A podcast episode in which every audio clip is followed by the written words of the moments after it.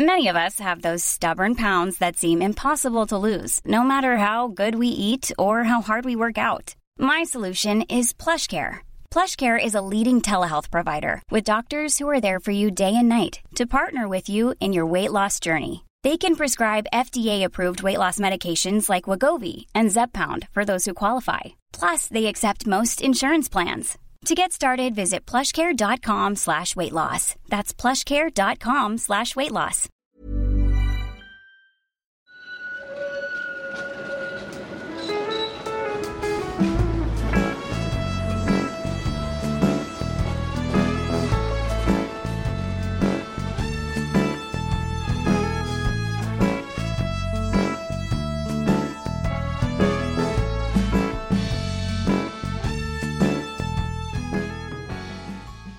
Hej och välkomna till Gator och torg i Göteborg.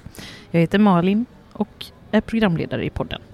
Med mig har jag som vanligt Mattias Axelsson, Göteborgskännare och lärare. Hej Mattias! Hej Malin! Dagens avsnitt görs i samarbete med Göteborgslokaler, vardagsnära torg i hela Göteborg. Eh, vi befinner oss på Brunnsbotorget. Varför är vi i Brunnsbo? Ja, vi hamnade här för att det är ett av de torg som Göteborgslokaler förvaltar. Och innan jag började läsa på om Brunnsbotorget så hade jag ganska dålig koll på vad det här torget egentligen är och vad det har för betydelse. Men eh, det ska vi ju ta reda på idag och berätta om. Och jag tänker att vi ska också lägga ut lite bilder på vårt Instagramkonto, Mm. Gator och torg i Göteborg, för att man ska kunna få en bild av vad Brunnsbotorget är och vad det har varit. Mm. Och vill du stötta podden så kan du gå in och bli månadsgivare på Just det, på patreon.com snedstreck gator och torg i Göteborg. Snyggt! Och vi sitter alltså i ett eh, hus, ett torghus med eh, livsmedelsbutik och Nöjds konditori.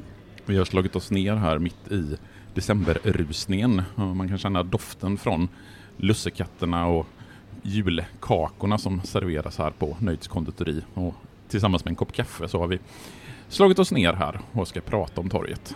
Mm. Hey, it's Danny Pellegrino from Everything Iconic. Ready to upgrade your style game without blowing your budget? Check out Quince. They've got all the good stuff shirts and polos, activewear, and fine leather goods, all at 50 to 80% less than other high end brands. And the best part? They're all about safe, ethical, and responsible manufacturing.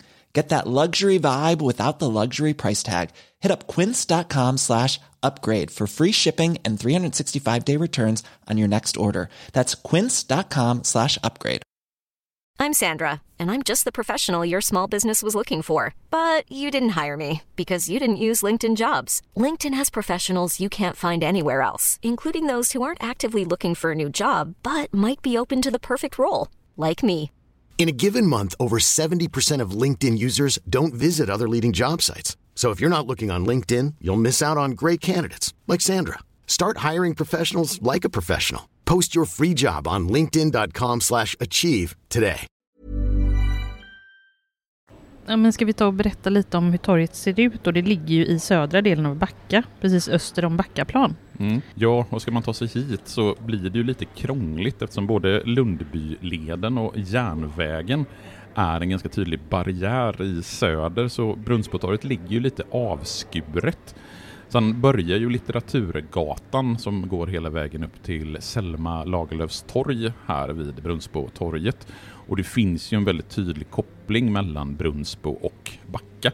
Även om det är två platser som ska pratas om i sin egen rätt så är det ändå två platser som hänger ihop väldigt tydligt. Och närheten till Backa är ju också närheten till Backaplan eftersom det är ja, ett stenkast härifrån så kommer ju till exempel Biltema i de delarna av Backaplan. Jag tror nog eh, många med mig som är uppväxta på Hisingen skulle tro att Brunnsbo är en del av Backa. Ja, det är det ju i viss del, men jag skulle nog ändå vilja prata om Brunnsbo som sin egen stadsdel. Nu vet inte jag, eftersom det görs om stadsdelar i Göteborg titt som tätt, så vet jag faktiskt inte formellt vilken stadsdel som vi sitter i. Men historiskt så är det ju en del av Backa socken, så på så sätt så är ju Brunnsbo och Mm, Backa inte samma sak. Men eh, här- det är ju ett väldigt levande torg. Det är mycket folk som rör sig och det satt en, Aktiva verksamheter. en hel del människor som satt här på Nöjts konditori när vi slog oss ner. Ja. Utanför såg vi en kyrka, omgivande bostadsområden med lägenhet. Mm. Flera olika affärer, blomsterbutik, pizzeria, sushi, frisör och så vidare. Ja, det finns en hel del verksamheter, även om det inte är ett stort torg. Det är absolut inte i närheten av till exempel Frölunda torg eller liknande. Men det finns en hel del verksamheter på torget. Ja, det är inte dött så att säga. det är Verkligen, verkligen vid inte. liv. Verkligen. Då börjar vi med den viktigaste frågan. Är vi i Sverige eller Norge? Jag skulle säga att vi är i Norge. Eller historiskt så har ju det här varit norsk mark eftersom vi är väster om Göta älv men öster om Kvillebäcken och då betyder det att på andra sidan Kvillebäcken så var det svenskt, alltså Lundby och Tuve socknar. Men på den här sidan så var det norskt fram till freden i Roskilde 1658. Och det betyder ju att under stora delar av den svensk-norska historien så var det svenskarna som var fiender till de människor som bodde i Brunnsbo. Och det blir ju inte svenskt förrän då freden i Roskilde 1658. Och då hade bland annat Brunnsbo brandskattats under Hannibalsfejden som bara var ja, men ungefär tio år innan freden i Roskilde. Sen så följer en ganska snabb försvenskningsprocess av de här områdena under andra halvan av 1600-talet. Där de gamla norska delarna och även de danska i form av Halland, och Skåne och Blekinge inlemmas i det svenska riket och sedan dess så har ju det här varit en del av Sverige.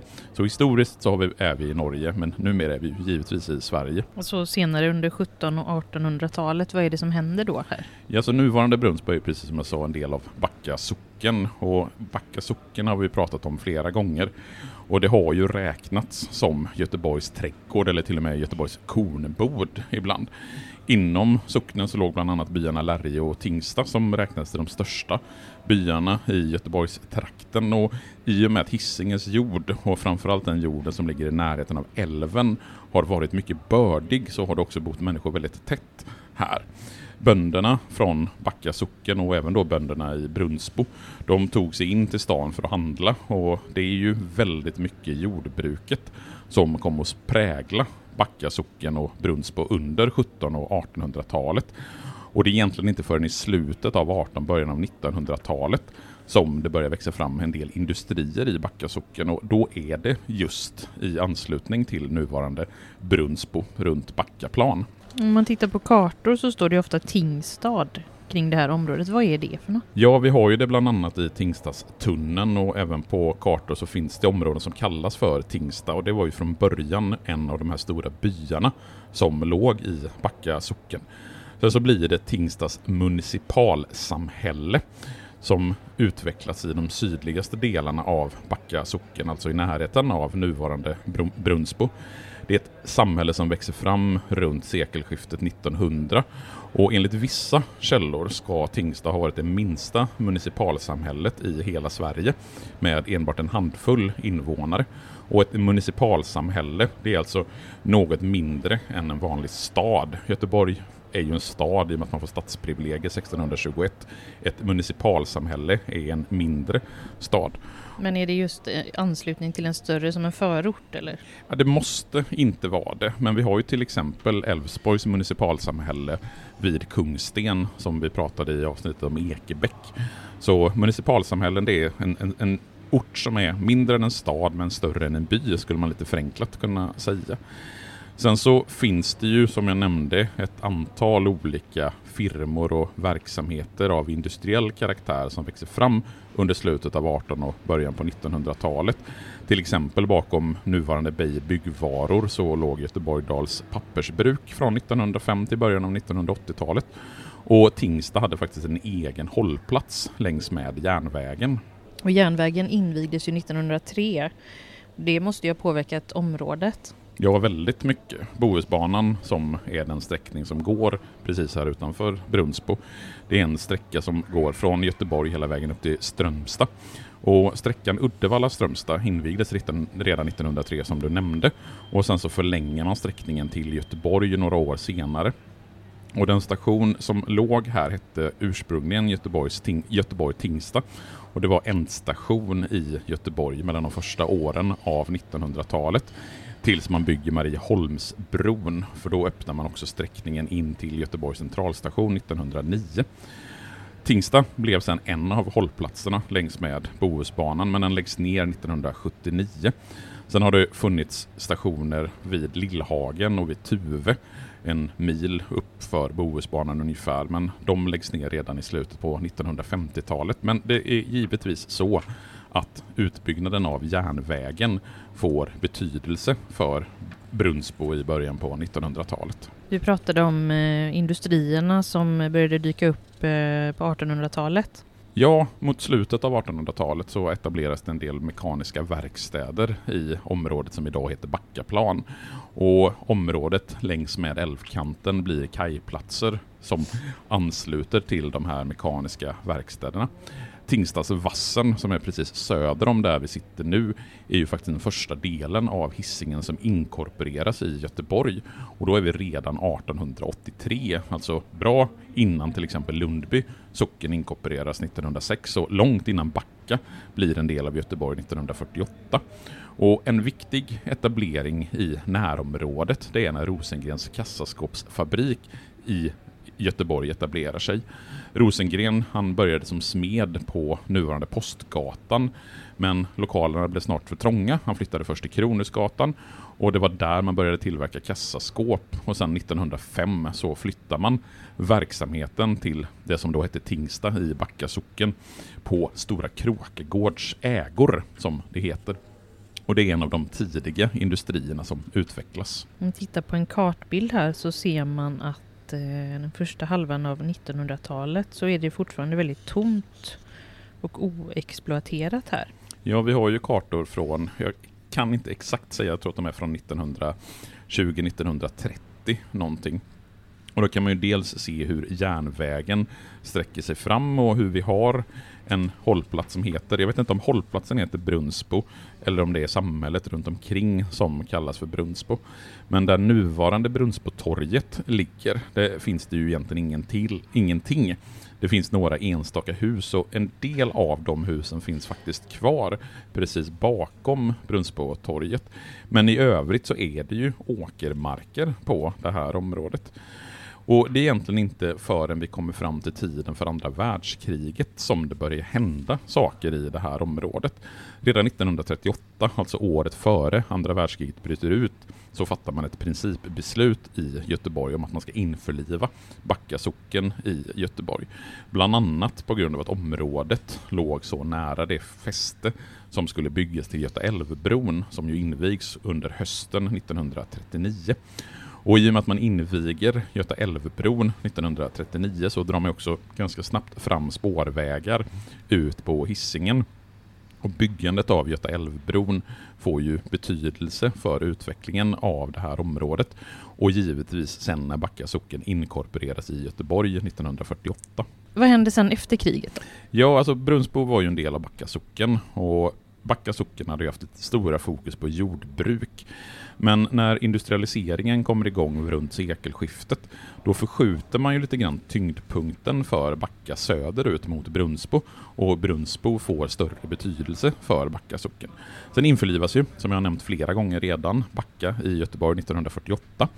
Det sker utan någon större entusiasm från Backaborna. Det finns till och med en ganska stark opposition mot att Backa ska införlivas, för man hade det ganska gott ställt i Backa socken. Men att Göteborg vill ha Backa, det beror ju på att man då får ett område som dels kan användas för hamnens behov, man kan dels bygga ut området med en massa bostäder, man får områden i anslutning till älven och från att ha varit en stadsdel med många bondgårdar, ett fåtal villaområden, så ändras Backa och Brunsbo från slutet av 60 och in på 70-talet till en stadsdel där det är relativt tät bebyggelse. Det är många människor som bor i området.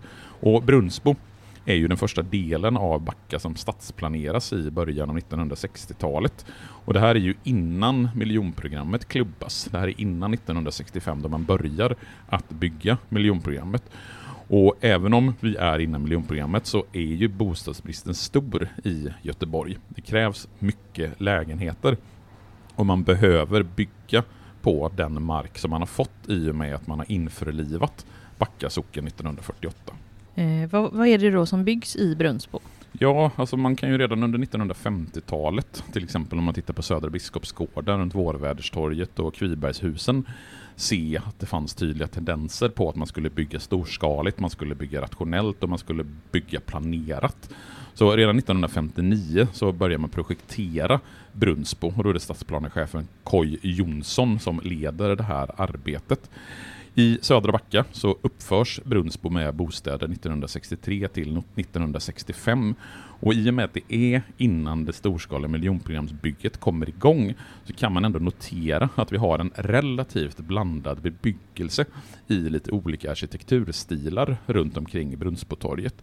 Visst, det är ganska mycket flerbostadshus, men det är inte riktigt så likriktat som det sen blir när miljonprogrammet kommer igång under slutet på 60 och in på 70-talet. Till exempel längs med Berättargatan väster om Brunnsbotorget så uppförs en grupp flerbostadshus 1964 och de ritas av arkitekterna Nils Einar Eriksson och Ragnar Dahlberg åt Göteborgs stads bostadsaktiebolag. Jag ska lägga upp bilder på dem på vårt Instagram-konto. När bygger man själva torget då? Ja, när vi då äntligen kommer till Brunnsbotorget som är titeln för dagens avsnitt. Och i och med att inflyttningen till de nybyggda lägenheterna i Brunnsbo blir så stor så ökar befolkningen i Brunnsbo kraftigt under 1960-talet. Och de här nyinflyttade människorna de ska ju kunna göra sina dagliga ärenden i form av handel och service så därför så bygger man Brunnsbotorget som ett sånt här lokalt torg 1964.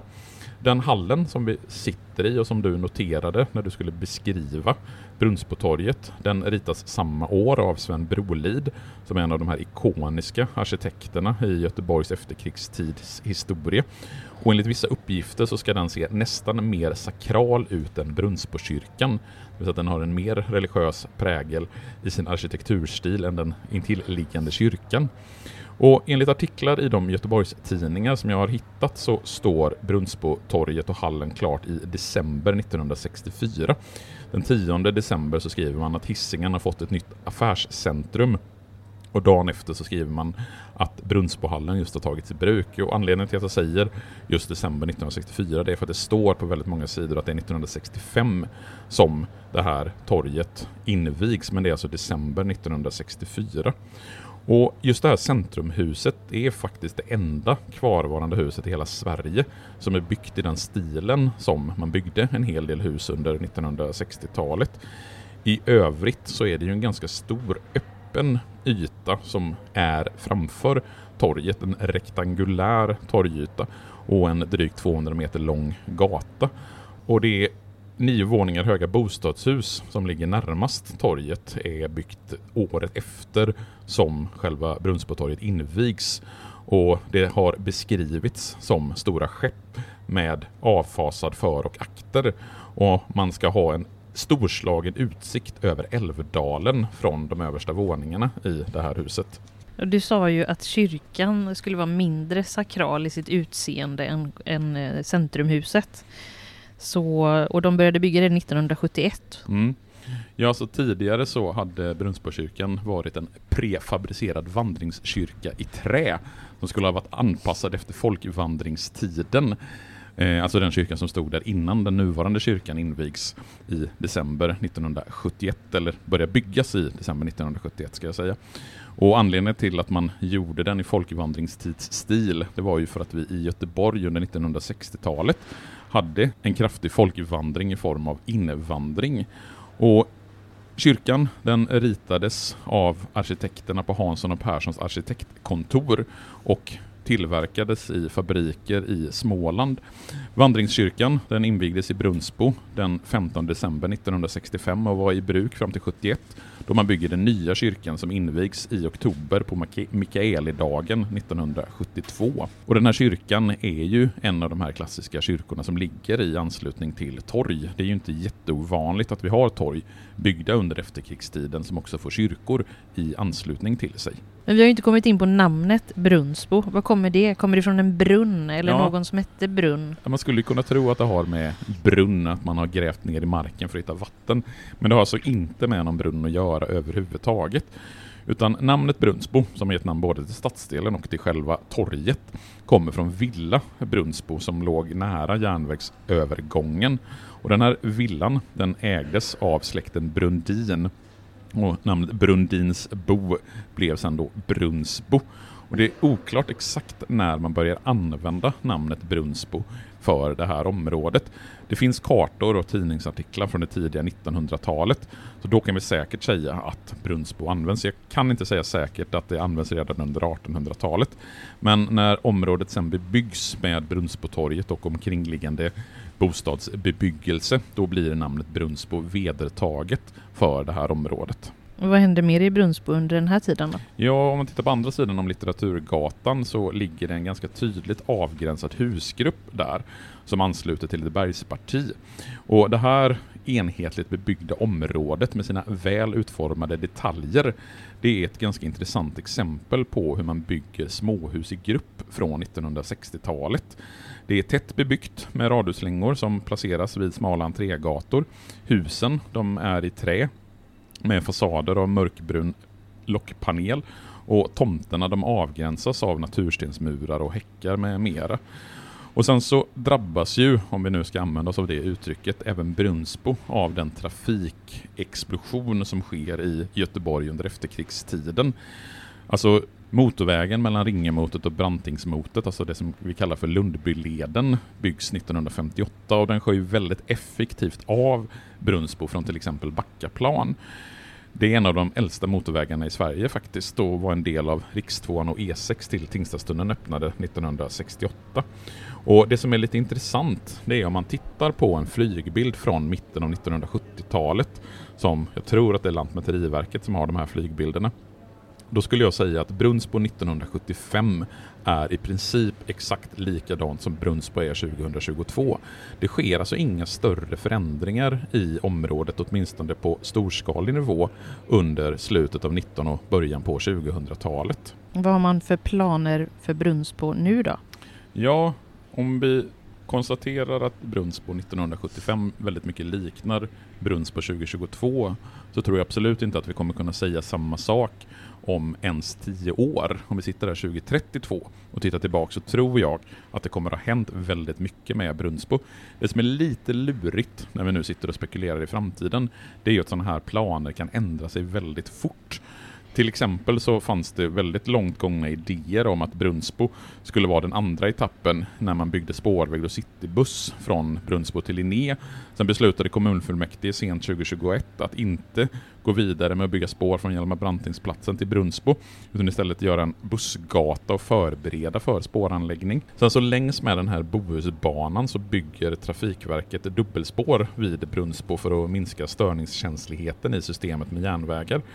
Och Det innebär också att man ska bygga en pendeltågsstation vid Brunsbo 2027, vilket gör det enklare att dels pendla, pendla till andra delar av Hisingen och dels att pendla till övriga delar av Göteborg. Och den här nya tågstationen i Brunsbo ska bli en viktig knutpunkt och mötes, mötesplats.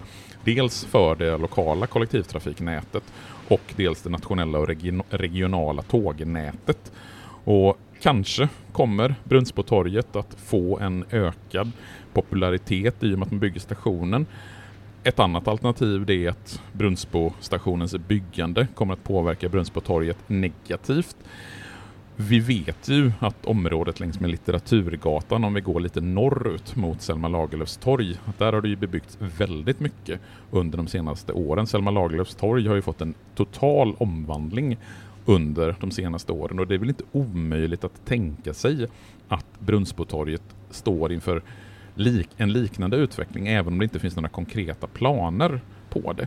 För man ska ju ändå komma ihåg att Brunnsbotorget, trots att det är lite krångligt att ta sig hit, det noterade vi när vi skulle ta oss hit, så är det ju ett ganska centralt torg. Det är inte jättelångt ifrån dels centrum och när man bygger ut Backaplan med jättemycket nya bostäder så kommer ju även det påverka Brunnsbo och Brunnsbotorget positivt. Ja, det är avskuret liksom på, på flera sätt med motorvägarna och att det liksom ligger för sig. Mm. Det är inget annat som ansluter direkt. Nej, Det är ju upp mot Litteraturgatan då. och sen så är ju problemet att den som ska handla någonting kan ju nästan lika gärna gå till Backaplan som att gå till Brunnsbotorget. Även om det är lite knöligt att ta sig dit på grund av motorvägarna så är det ju ändå ett torg som kanske lite grann skyms av sitt, sin närhet till Backaplan. Men de kommande åren skulle eventuellt kunna innebära en väldigt positiv förändring för Brunnsbotorget. Det vet vi inte. Man, man kommer ju inte till Brunnsbo bara sådär om man inte känner någon som bor här. Nej. Eller om man bor här själv. Ja, nej, så men, känner jag. Jo, men lite grann men så känner nog de som inte besöker Axel Dahlsens torg heller. Men det, det är ju byggt för personerna som bor här. Ja, och det är ju så de var tänkt Det är så att det fortfarande användas. fungerar. Ja. Och vi får väl se. Vi kommer tillbaka hit om tio år och se, se om det hänt något med Brunnsbotorget. Det kan vi göra. Dagens avsnitt görs alltså i samarbete med Göteborgs lokaler. Vardagsnära torg i hela Göteborg. Mm. Och nu har vi faktiskt varit på många platser i hela Göteborg. Och Brunnsbotorget är ju en av alla de här platserna som man ska göra ett avsnitt om eftersom det är ett torg i sin egen rätt med en intressant historia. Är vi klara för idag? Ja, det tycker jag. Vi har berättat Brunnsbo och Brunnsbotorgets historia från det att det var norskt före freden i Roskilde 1658 fram till omvandlingen på 60-talet och när det nu ska bli en ny pendeltågsstation här. Så har vi mycket spännande att se fram emot. Vi åker dit 2027. Och eh, vi tar tåget hit då. Ja. Hörs igen om en vecka. Det gör vi. Ha det gött. Hej då! Hej.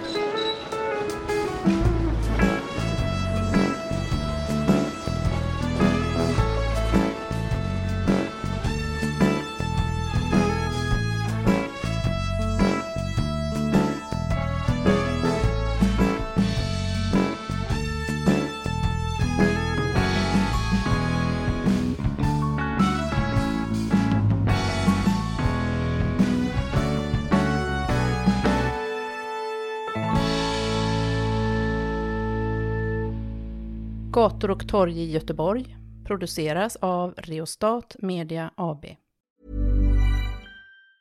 Ever catch yourself eating the same flavorless dinner three days in a row? Dreaming of something better? Well, HelloFresh is your guilt-free dream come true, baby. It's me, Gigi Palmer. Let's wake up those taste buds with hot, juicy pecan-crusted chicken or garlic butter shrimp scampi. Mm. Hello Fresh. Stop dreaming of all the delicious possibilities and dig in at HelloFresh.com. Let's get this dinner party started.